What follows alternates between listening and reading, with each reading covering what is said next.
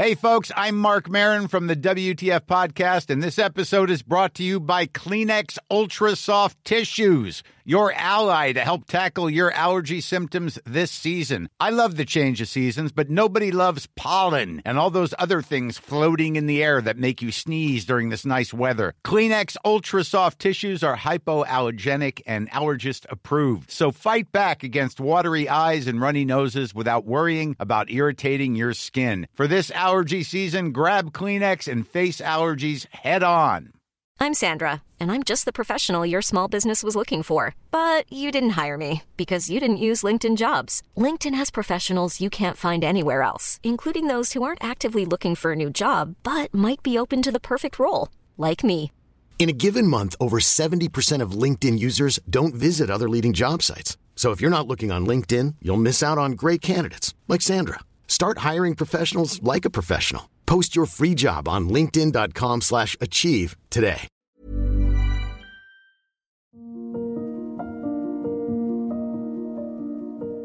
Dette er del to av episoden med Regine, og har kjørt del én, anbefaler jeg deg å høre den først. Regine er selv et offer for overgrep, og hun driver ikke Faren Community for andre ofre.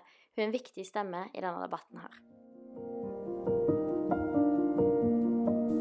Så Ja, det er så viktig, og det er litt den derre Når du opplever det, så ser du jo at det er mulig. Og så før det, når man er i den der bitre Mm. bobla Jeg ser jo tilbake nå fordi at jeg også har opplevd det du sier med at man, man får en opplevelse av en bekreftelse på at det er faktisk mulig. Det er noen som Mm. kan, bare kan være her og elske meg også, selv om jeg har mine feil og mangler. Mm. Um, så ser jeg jo tilbake på den tiden der nå, og jeg skjønner jo nå at jeg kanskje forventa at folk skulle være litt mer tankelesere enn det ja. man kan forvente. Men når du er i den bobla, så alle reagerer jo sånn som de gjør. Og jeg og mange andre reagerer jo sånn, eller reagerte jo sånn at eh, nå, nå har jeg gjort det tydelig at noe er galt, og da får det være din jobb å på en måte finne ut av Ja. hva og hvordan du skal hjelpe meg. Men det å klare å finne en eller annen eh, styrke inni seg som, som tillater deg å si at nå har jeg det vanskelig, og nå trenger jeg en klem. Eller nå trenger jeg at Mm. vi gjør noe hyggelig, sånn at jeg kan tenke på noe annet, for jeg er ikke klar for å snakke om det. Eller det å bare si jeg vet ikke hva jeg trenger, men jeg har det skikkelig dritt akkurat nå, så Mm. tilgi meg for at jeg er all over the place, men vær så snill å, å holde ut med meg, fordi jeg har det så vanskelig at jeg vet hva jeg trenger engang. Mm. Altså, bare det å klare å si fra til de rundt seg, det vil jo tillate dem å være der for deg på en helt annen måte. Og det er kanskje en av de viktigste tingene jeg har lært akkurat der. ja. Det er forskjell på å vise at det er noe gærent, og si fra at nå trenger jeg deg, på en måte. Mm. Eh, nå, nå sporer jeg helt av de tingene man snakker om, da. men etter på en måte voldtekten skjedde med deg, hvordan var det på en måte i etterkant? Altså, jeg var jo som sagt da på veldig avgrensa geografisk område og prøvde å finne ut av hvordan jeg skulle komme meg vekk derfra. Eh, Det gikk ikke. Eh, Det gikk ikke noe tidligere fly. Jeg kunne ikke tatt et tog noe sted. Det var liksom, jeg var stuck til å vente til vi skulle reise hjem derfra. Eh, Så da, de, all den aller, aller første tida, de første dagene, så lå jeg jo da som sagt og faka magesjau Mm. for å slippe å være med på ting. Eh, Det som var eh, som gjorde det litt sånn ekstra traumatisk, var jo at han også bodde på samme plassen. Og Mm. jeg gikk jo som sagt da i dusjen og grein, og så gikk jeg og prøvde å legge meg. Og jeg lå da på en sovesofa, en veldig liten sovesofa, og så var det to andre soverom. ene hadde mora mi og typen, den andre hadde besteforeldrene mine. Og da jeg våkna Eller jeg halvveis våkna en gang på morgenen og følte at det sto noen i rommet. Og prøvde bare å snu meg og sove videre. Og det hadde det jo da sannsynligvis gjort, fordi da jeg våkna ordentlig etterpå, så satt han på eh, stuebordet foran sofaen eh, med en eh, Han hadde fått med seg at jeg hadde melk i kaffen, så han hadde ikke funnet melk da, så han hadde lagd en kopp med kaffe med fløte i. Um, som han da hadde tatt med seg som en unnskyldning til å komme inn, sikkert. Uh, Og satt da på, på sofabordet foran meg, så jeg på en måte våkna til at jeg ikke kunne reise meg opp eller gå noe sted, da, fordi han på en måte satt sånn og ruva over. For å da forsikre seg om at jeg holdt kjeft.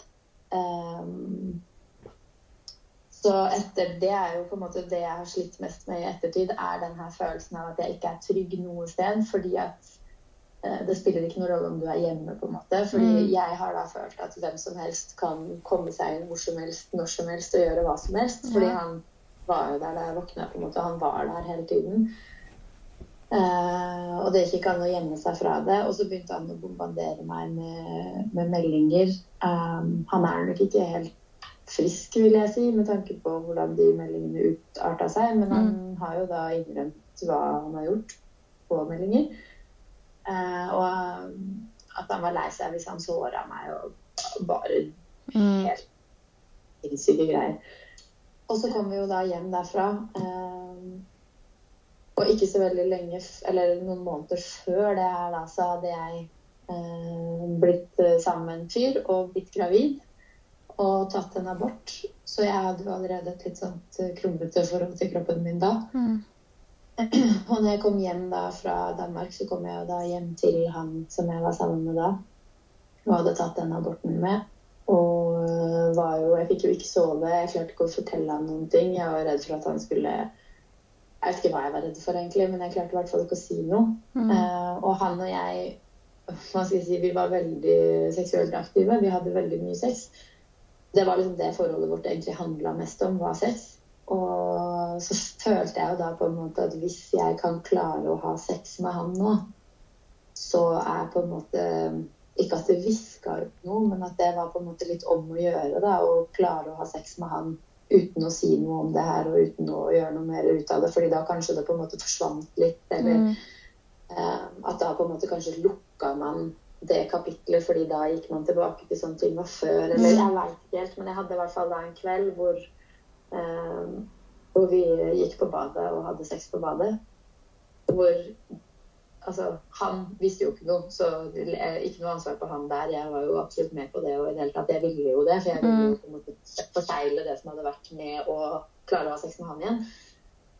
Eh, men jeg syns jo ikke det var noe ålreit eh, på innsida, den runden vi hadde på badet der. Um, men det var liksom et sånt forsøk på ja, å avslutte det vonde som hadde skjedd, og så bare gå videre, på en måte. Og det gikk jo ikke så veldig bra, og jeg var jo ikke eh, meg selv i det hele tatt. Og... Men jeg sa jo ingenting. Mm. Uh, og så hadde jeg en, eh, en sånn tradisjon med en venninne at vi alltid dro på hyttetur på høsten. Og da, på den hytteturen der så drakk jeg meg full, og så fortalte jeg henne hva som hadde skjedd. Og så gikk jo den kvelden med til å reagere på det sammen. Men da, vi, da jeg våkna dagen etterpå, så møtte hun meg med um, Ja, skal vi lage frokost? Og, og var helt sånn uh, i hundre. Mm. Og nå skjønner jeg jo at ikke jeg kan legge så veldig mye ansvar på hvordan hun reagerte, og at eh, på en måte jeg skjønner at det er vanskelig å ta imot, og jeg hadde nok altfor store forventninger til at hvis jeg bare sier det her nå, så, Ja. så gjør det ting lettere. Og så gjorde det kanskje ikke det. Men det er jo ikke hennes feil, på en måte, for hun gjorde så godt hun kunne. Det vet jeg nå. Men Mm. der og da så tok jeg det som en sånn Å ja, skal vi bare late som ingenting? Mm. Og da tok jeg det som en bekreftelse på, som sagt, mye sånn tillitsproblemer til verden fra før av. Så tok jeg det som en bekreftelse på at OK, så mye var det verdt, liksom. Det, det var i går, og i dag er i dag, og da er alt glemt. Nå skal vi late som ingenting. Mm. Uh, og det at jeg opplevde det sånn, og tok det som at det var det det betydde, uh, da lata jo jeg som ingenting også. Uh, og da gjorde det jo også at det ble vanskeligere for meg å skulle si det til noen flere. ja.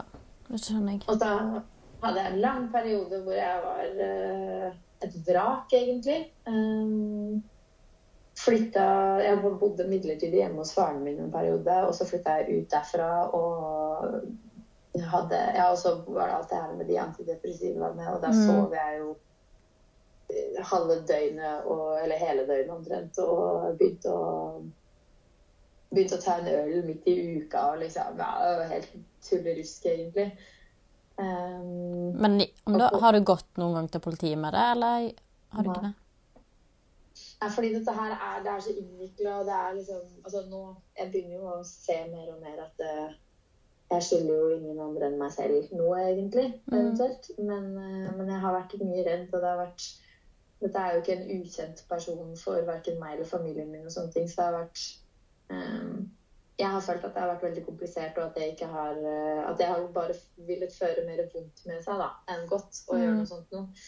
Men uh, jeg fikk jo etter hvert hjelp fra DPS den første runden, som sagt. Og så la egentlig Det la seg lite grann. Jeg vet ikke om jeg på en måte bare stengte det litt bort, eller om jeg Jeg vet ikke helt. Men det, jeg føler i hvert fall at det gikk på en måte greit en stund. og så ble jeg gravid. Eh, jeg ønska meg veldig et barn og var veldig heldig og fikk det barnet, men den graviditeten satte i gang veldig mye greier for meg. Og da møtte jeg en, en jordmor på sykehuset som spurte meg eh, Fordi at det, ja, jeg reagerte på ting og i det hele tatt. Og da spurte hun meg i hvert fall har det skjedd noe med deg som du ikke ville skulle skje. Og da knakk jeg jo helt sammen og begynte å hyperventilere inn på kontoret hennes og bare i det hele tatt. Og så sa hun sånn mm, Ja, nei, men det, det, det, kunne jeg nesten tenke meg. Fordi graviditet, når man blir gravid, så skjer det så store endringer med kroppen. Mm. At for veldig mange som har opplevd noe sånt noe da, så retraumatiseres de fordi de kjenner på å miste kontroll over kroppen sin på nytt. Mm. Eh, og har man vært utsatt for noe, så er det ikke uvanlig at det kommer opp igjen når man går gravid. da. Og det gjorde det virkelig for min del. Og da følte jeg jo igjen en sånn Åh, men nå er det noen som bare kan ta dette her. Nå, nå, nå spurte hun meg, og så svarte jeg med en sånn reaksjon. Nå kan hun på en måte, da kan jeg legge litt av denne byrden over i hennes armer, og så kan hun hjelpe meg. Og da spurte hun om jeg ville ha hjelp, og jeg sa ja. Og så skulle hun fikse en uh, dame jeg kunne prate med. Og så sa jeg veldig klart og tydelig fra, som jeg har sagt alle gangene jeg har prata med noen om det, at jeg klarer ikke å fortelle om det. Jeg Mm. trenger å bli spurt. Og det første som da skjedde da jeg kom til den timen med hun jeg skulle prate med, var at hun sa ja, hvorfor er du her da? Og jeg bare, du kødder med meg nå. Det var jo akkurat, det var den ene tingen jeg sa. Jeg må, jeg må på en måte, Det må settes i gang av Ja. andre personer. Du vet. Jeg kan ikke bare sitte her og jo, nei, nå skal du høre det her. Mm. Bla, bla, bla, bla. Jeg får ikke det til. Så da var jo det igjen da, veldig sånn kjapp dømming fra min kant. Og bare Nei, ikke sant, men der kan du se. Det var Mm. liksom, og da, da klarte jeg jo ikke å benytte meg av det tilbudet og åpne meg opp heller. Um, og så, så jeg tygde meg bare gjennom den perioden der også.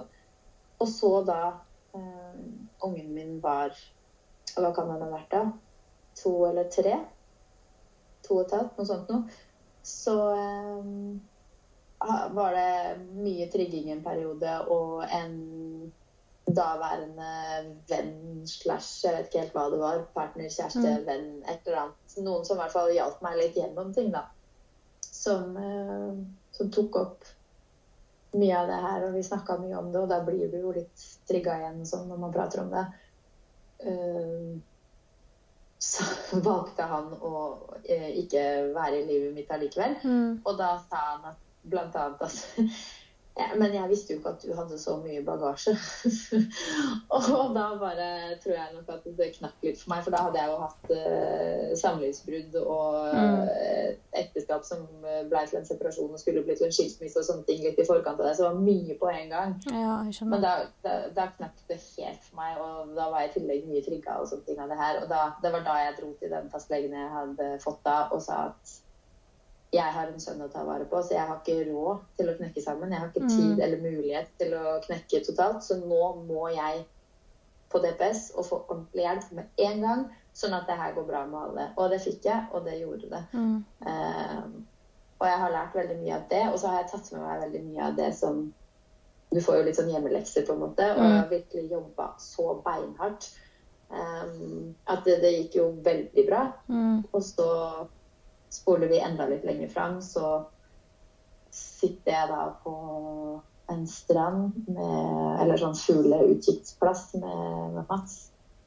Og forteller om at jeg føler veldig sterkt at jeg er nødt til å bruke det her til et eller annet. Men jeg vil ikke eksponere meg selv. Jeg skulle ønske jeg på en måte kunne sitte i kulissene og så heller sagt til et annet menneske hva det mennesket skulle gjort for å fronte saken, for å Ja. Lage det her samfunnet, for å skape håp, for å gjøre at men jeg vil ikke vise mitt eget ansikt. Jeg vil ikke, jeg vil ikke personlig gjøre det, men det må gjøres. Det trengs så sårt, da. Mm. Noe sånt noe sånt her. Um, og så traff jeg en jente som uh, som fortalte meg om hva som hadde skjedd med henne, og hun var så fortvila, og hun så på meg med Jeg har det eller det bildet så sinnssykt på, på hjernen, hvor hun ser på meg med store, tårevåte øyne og er så fortvila over Men hvordan, skal man, hvor, hvor, hvordan kan folk bare vente at man bare skal leve videre med dette her? da? Og jeg bare, jeg ble dratt så rett tilbake til den fortvilelsen jeg har gått og kjent så mye på, og hvor liten man føler seg, og hvor håpløst alt virker. Og bare Og da var det sånn OK, men da må jeg bare gjøre det, da. Og så satte jeg i gang, og så er vi til i dag, hvor da jeg merker at det å prate så mye om det, og det å skrive så mye om det og sånne ting, det det er retraumatiserende mm. i stor og liten grad hver eneste gang. Og jeg er så mye mer trygga og aktivert nå enn jeg har vært på lenge. Og jeg reagerer alltid mye på sommeren, fordi det er da det skjedde. Men den sommeren her har vært helt sinnssyk. Jeg har ikke kjent igjen meg selv i det hele tatt. Mm. Jeg har ikke reagert så kraftig siden eh, den sommeren det skjedde, og når hun jordmoren eh, spurte meg om ting og liksom Men syns du det er skummelt å liksom ikke vite når det skjer? Ja, men jeg har jo jobba såpass beinhardt og bevisst med det her at jeg har jo lært meg å kjenne igjen når ting skjer. Eh, og det også er en sånn som jeg prøver å på en måte preache litt på, ikke faen også, mm. at det er, det, er, det, er, det er, mange ting som gjør at det er mulig at det her kommer til å bli bedre, og at livet blir lettere å leve. Og blant annet det med at jeg kjenner ting veldig mye fortere igjen nå, og skjønner da Det er ikke alltid jeg skjønner hva som skjer, eller hva som har trigga meg, men jeg kan mm. forstå, jeg kan kjenne på kroppen at Egentlig så blir det litt å sammenligne, føler jeg, da, som at når du kjenner at du skal ha mensen. Ja. Du kjenner igjen den vondten i korsryggen og sånne ting. At du, er, du er ikke helt sikker på hvilken dag den kommer, og mm. sånne ting, men dette her må jo bety at jeg skal ha mensen snart. Mm. Den følelsen der at du kjenner på kroppen at OK, jeg føler meg ikke bra nå, det, det skjer et eller annet, jeg reagerer annerledes, jeg har kortere lunte, de type tingene. Og så bare OK, men da er det viktig at jeg nå er ekstra snill med meg selv. fordi selv om jeg ikke har skjønt selv enda hva som foregår, mm. så kjenner jeg at noe er på gang. Og da tror jeg det er viktig at jeg er litt ekstra snill med meg selv nå.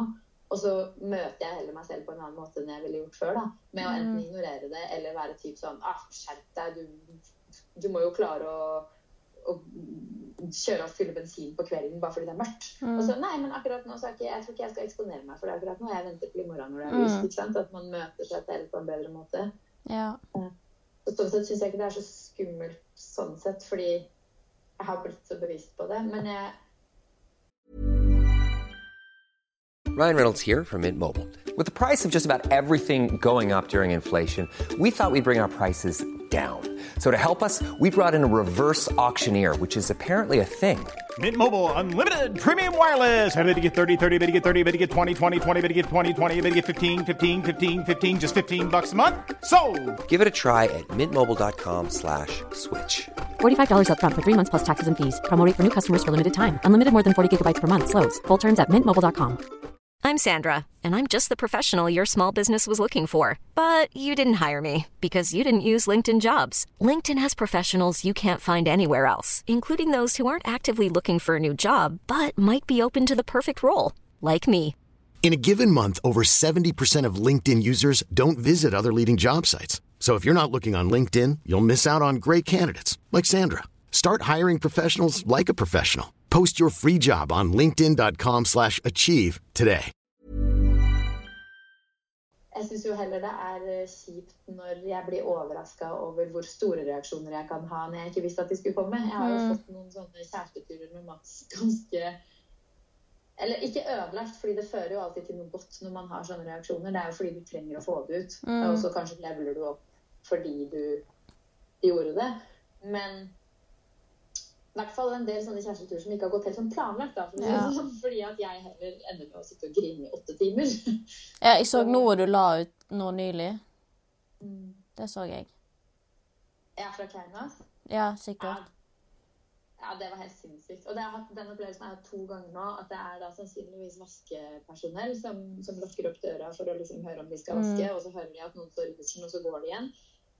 Men det er faktisk noe man burde ha skrevet inn til hoteller. Ja, men det, men det jeg, var, jeg husker ikke hvor mye typen min var, men da var det noe som kom inn, og jeg bare jeg kjente hele sjelen min vrang seg, fordi det er sånne ting jeg er så redd for. Sånne folk som bare skal bryte seg inn eller et eller annet sånt.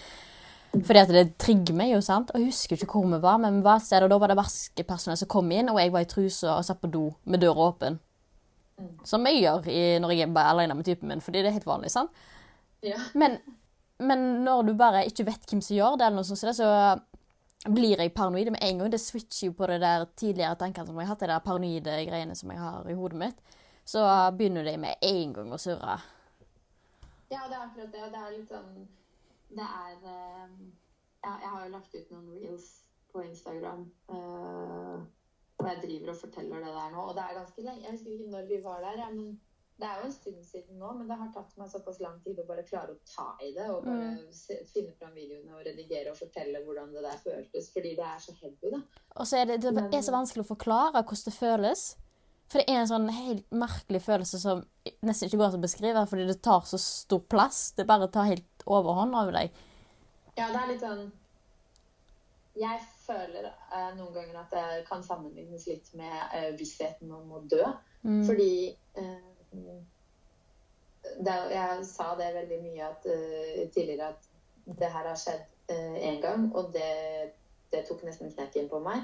Så jeg må gjøre alt jeg kan for å forsikre meg om at det ikke skjer igjen. Fordi det, det overlever jeg ikke. Det tåler jeg ikke. Jeg vil heller dø enn at det skal skje igjen.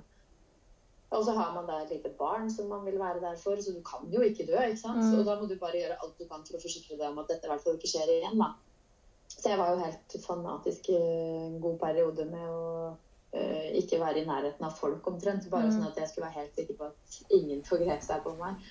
Men um, det som Måten jeg har klart å gjøre ting på igjen Sånn som uh, angst avler jo angst, ikke sant. Så når du har den, den type angst i forbindelse med noe sånt nå, så har jo jeg også fått litt sånn Ja, angst er jo veldig mye brukt nå, da, men en, et snev i hvert fall av sosial angst. Jeg vil helst ikke Jeg vil ikke være på kino, for der er det mørkt med masse ukjente mennesker. Jeg liker ikke å ta buss, tog, trikk, offentlig transport, fordi du er på en måte lokka inne med folk du ikke kjenner. Ja. Eh, men for å klare å gjøre litt sånne type ting igjen, så er, som jeg prøvde å forklare til Mats en gang, så har jeg på en måte bare innsett at ok, men hvis jeg gjør det, så betyr det at jeg kan dø, og så må jeg bare velge å gjøre det allikevel. Fordi eh, det kan være noen som går bananas. Det kan være noen som, som At du er med på neste terroraksjon hvis du går på en buss, liksom. Akkurat det samme som at dette kan skje igjen, men jeg kan sannsynligheten er ekstremt liten, og jeg kan ikke ikke leve livet mitt Ja. av den grunn. Og så må du bare gjøre det. Så sånn som den videoen jeg la ut fra Kaunas, da, da sto jeg innlåst på badet, eh, hadde hørt lyder, trodde at jeg hadde hørt at det gikk i døra, men prøvde å overbevise meg selv om at det var bare innbilning fordi at jeg er redd for ting. Og så sto jeg der, og jeg kunne ikke ringe Mats, for jeg var jo der med han, men han var jo på jobb eh, langt av gårde. Eh, jeg følte ikke at jeg kunne liksom dra han fra noe så viktig for å bare Hei, du, kan du komme og sjekke om det er noen her? Eh, så jeg bestemte meg for at jeg måtte fikse det på egen hånd. Og det å stå da Skal jeg låse opp døra og gå ut her nå, eller ikke? Mitt verste mareritt da er jo at det, det er noen som har kommet inn. De står og venter. De hører ja, nå er det ei i dusjen. Så venter vi til hun kommer ut av dusjen, og så tar vi henne. ikke sant? Det er jo det er jo det jeg er redd for at møter meg der ute. Og det å stå da og til slutt bare OK, men jeg må bare komme meg ut herfra. Men det betyr at da, det kan i mitt hode, pga. ting jeg har opplevd før, PTSD, alt det her, i mitt hode så kan det teknisk sett faktisk hende, selv om sannsynligheten er liten, at det står noen og venter på meg på andre siden av den døra her nå. Og da må du bare godta det, på en måte. Og bare OK, men jeg, fortsatt, jeg velger fortsatt å låse opp den døra her og gå ut. Og det levelet av bare OK, men da får det bare gå som det går, da. Det føler jeg er litt som den vissheten om at du kan dø. Og litt sånn ja, jeg går på den trikken her, og det kan være neste eh, terror Eller i det hele tatt. Det kan skje ting hele tiden. Mm. Men du kan ikke på en måte sette livet ditt på vent pga. at ting kan skje heller. Nei, og så gjør man jo gjerne det når man går og er så redd, og så kommer man til et punkt hvor man skjønner at man ikke kan det. Men jeg sliter fortsatt skikkelig med det når jeg er trigga sånn som den Ja. situasjonen der. Så føler jeg helt ærlig at det er sånn OK, jeg bare krysser fingrene egentlig for at det ikke står noen der. For i mitt hode så er det sannsynlig at det gjør det, ikke sant? Jeg synes det var veldig deilig da, å se se den videoen, selv om at det er veldig vondt å se fordi du har det vondt. Men fordi at det, det føles ut som du Når sånne ting skjer, så føles du veldig alene ut om at sånne hendelser kun skjer deg. Og så føler føler du deg helt klin kokos fordi du føler Ja. Jeg har følt det mange ganger at herregud, jeg er helt sjuk i hodet, for jeg reagerer så sterkt av så teite ting av at en mann bare spør meg hvor gammel jeg er så kan jeg klikke helt. fordi at da ser jeg for meg at det er overgriperen min, for jeg vet jo ikke hvem den ene overgriperen min er. Så jeg kan altså gå på gata, og hvis noen ser på meg litt mye, så kan jeg bare bli sånn helt For helt teppe. Eh, Så jeg syns det, jeg det var veldig deilig da, at du posta den. At uh, du ser da at det er sånne uh, reaksjoner ikke bare på en måte skjer deg, da. Ja, det er akkurat det. Og det, jeg var jo før jeg gjorde alt det her, så var jeg så redd for at noen skulle eh, si at å ja, men du gjør det for oppmerksomhet. Eller hvordan kan du bruke noe sånt for å få oppmerksomhet? Eller at det, liksom, at det handler om oppmerksomhet, at man deler sånne ting. Men det er det aldri noen som har sagt eller skrevet. Det er heller sånn som du sier der, at takk for at du deler, for nå føler jeg meg mindre alene eller mindre gæren. For det er jo det man gjør. Man føler jo at de reaksjonene og tankene jeg har nå eh, Jeg må jo være gal. Altså, Det er sikkert ingen andre som tenker sånn her eller er redd for sånn her. Og så det var jo et av de store vendepunktene for min del også i hele, hele prosessen så langt. Hvor jeg så alle de reaksjonene jeg hadde, og symptomene mine, og hvordan jeg hadde det. Det så jeg plutselig som punkter på en liste, hvor man hadde lista opp typ symptomer på traume. Ja. Og jeg var sånn Hæ? Altså alle de tingene her som jeg har gått og skjult nå. Det er til og med ting jeg ikke turte å si til psykologen min, for jeg var redd for at de skulle tro jeg var gæren. ikke sant? Ja. Så bare, og det, dette er liksom normalt i gåsetegn når du har opplevd noe traumatisk. Det var helt sånn Hæ? Og da er det sånn, ok, men da er det, for da er det plutselig greit. For da er det noen andre som på en måte gir deg tillatelse. Da er det plutselig greit å ha det sånn og reagere sånn. Og først da kan du jo faktisk akseptere det, og så begynne å jobbe med det. Så det tror jeg det er så viktig. For jeg det er kjempevanskelig, men nå er det sånn, nå føler jeg jeg har ikke noe å tape. Jeg har ikke noe mer enn å tape. Jeg deler helt ufiltrert på Snapchat. Eh, Vi begynner å bli en ganske god gjeng der. Instagrammen til ikke faen har jo gått mer over i å bli min Instagram, for det ble litt mange kontoer å holde styr på. Og så er jo ikke faen en lukka Facebook-gruppe, eh, som også da etter hvert nå skal bli medlemsportal. Både fordi at jeg jobber så mye med det, men også da for å beskytte de som er med. Sånn at det kun er de som virkelig er interessert, som er med, da. Eh, For da må du jo liksom mm, ikke bare melde deg inn i en gruppe, men du må faktisk bli med i en medlemsportal. Så det krever bitte lite grann mer. Og da føler jeg på en måte at man kan føle seg litt mer beskytta hvis man Ja. seg inn der. Da.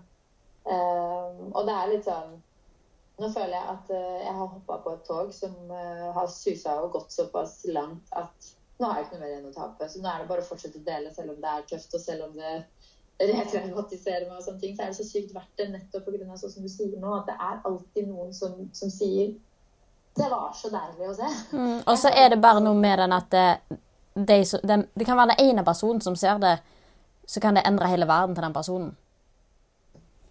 Det er akkurat det. Og jeg har ekstremt mye aktivitet i innboksen som går på akkurat det der. Eh, og jeg hadde Altså, det er veldig, veldig, veldig mye damer, men det var en, en gutt som skrev til meg for en stund siden.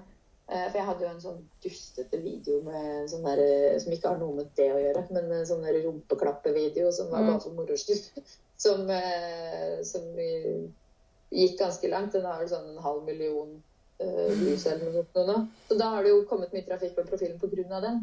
Og der, jeg tror det var via den videoen at tilfeldigvis da den gutten kom inn på profilen min og så hva det var jeg drev med, og valgte å skrive til meg da um, om at eh, og, og jeg har så stor respekt for Altså det skal ikke være noen konkurranse av hvem det er verst for og sånne ting. Det er ille for alle uansett. Men jeg har veldig stor respekt for at det er annerledes for menn Mm. å komme ut med sånne ting. Det betyr ikke at ja, det er lett for oss fordi vi er damer. Absolutt ikke. Men jeg bare har så stor respekt for uh, at det der er, det er faktisk annerledes når du er mann. Ja, jeg går. og og, ja.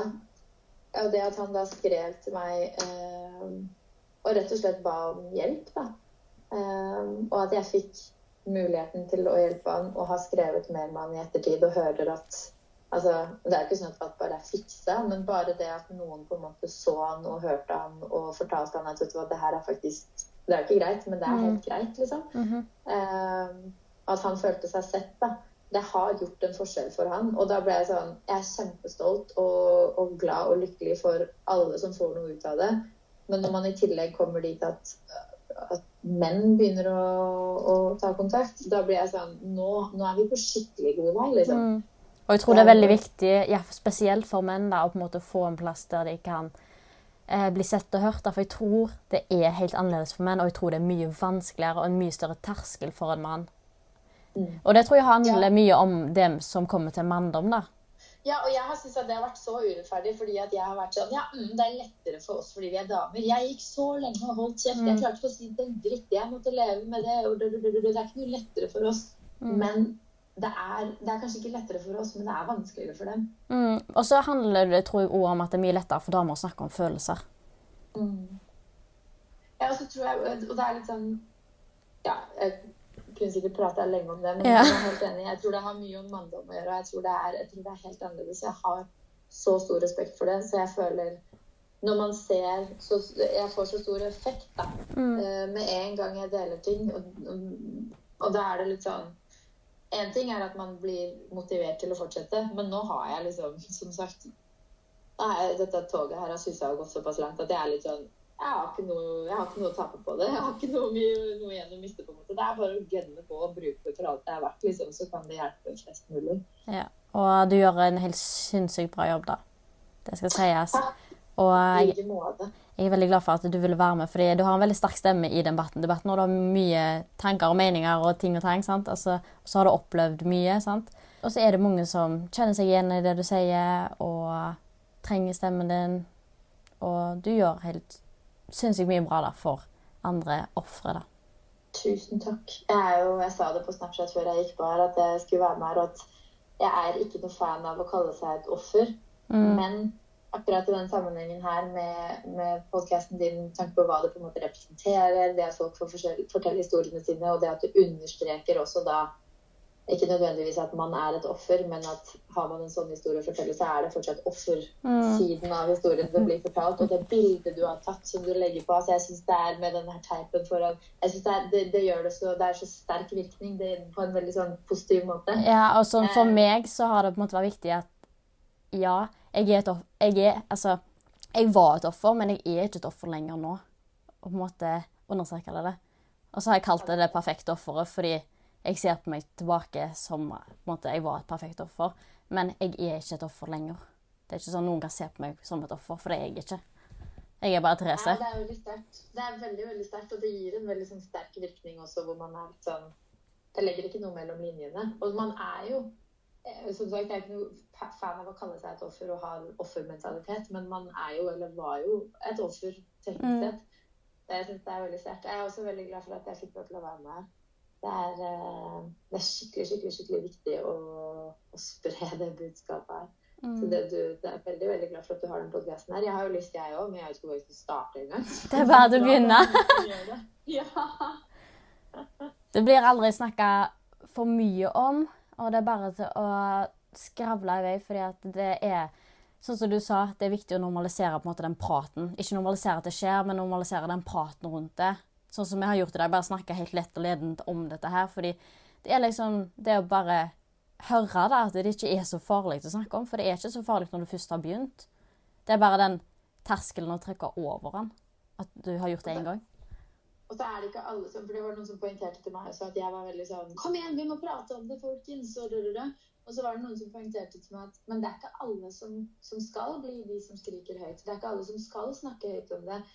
Men de som ikke klarer å snakke høyt om det, eller som rett og slett ikke trenger Det er ikke alt som har det behovet engang, men de kan fortsatt ha behov for å høre noen andre si det, og så ta det inn, og så får de den virkningen selv om de ikke skriker det høyt selv òg. Ja. Så både det her å, å normalisere at uh, hvis vi vil prate om det her, så skal vi for faen gjøre det. Ja. Men også den der at, og det gjør også at de som ikke har lyst til å snakke om det, de kan også kjenne på gjenkjennelse og få hjelp fra det. Mm. Så det er på en måte, det, som du sier, det kan ikke bli snakka nok om, det kan ikke slå feil. Det er jo mer, jo bedre. Mm, og så trenger man ikke prate nødvendigvis om det. Det hjelper å kanskje bare dele noe, eller bare like noe, eller et eller annet. Spør noen om går bra. Så det er så mye du kan gjøre på en måte, for å lette på problemet, da, hvis jeg ikke kan kalle det det.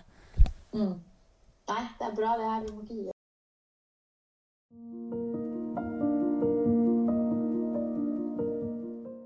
Tusen takk, Regine, for at du delte din viktige stemme med oss, og du gjør en knallbra jobb, og du står virkelig opp for oss andre voldtektsofre.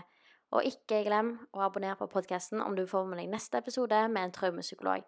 Gjerne legg en kommentar eller anmeldelse på podkasten, så setter jeg veldig, veldig, veldig stor pris på det. Du finner link til Ikke faren i beskrivelsen under podkasten og Instagrammen til Fine Regine. Takk for at du delte med oss.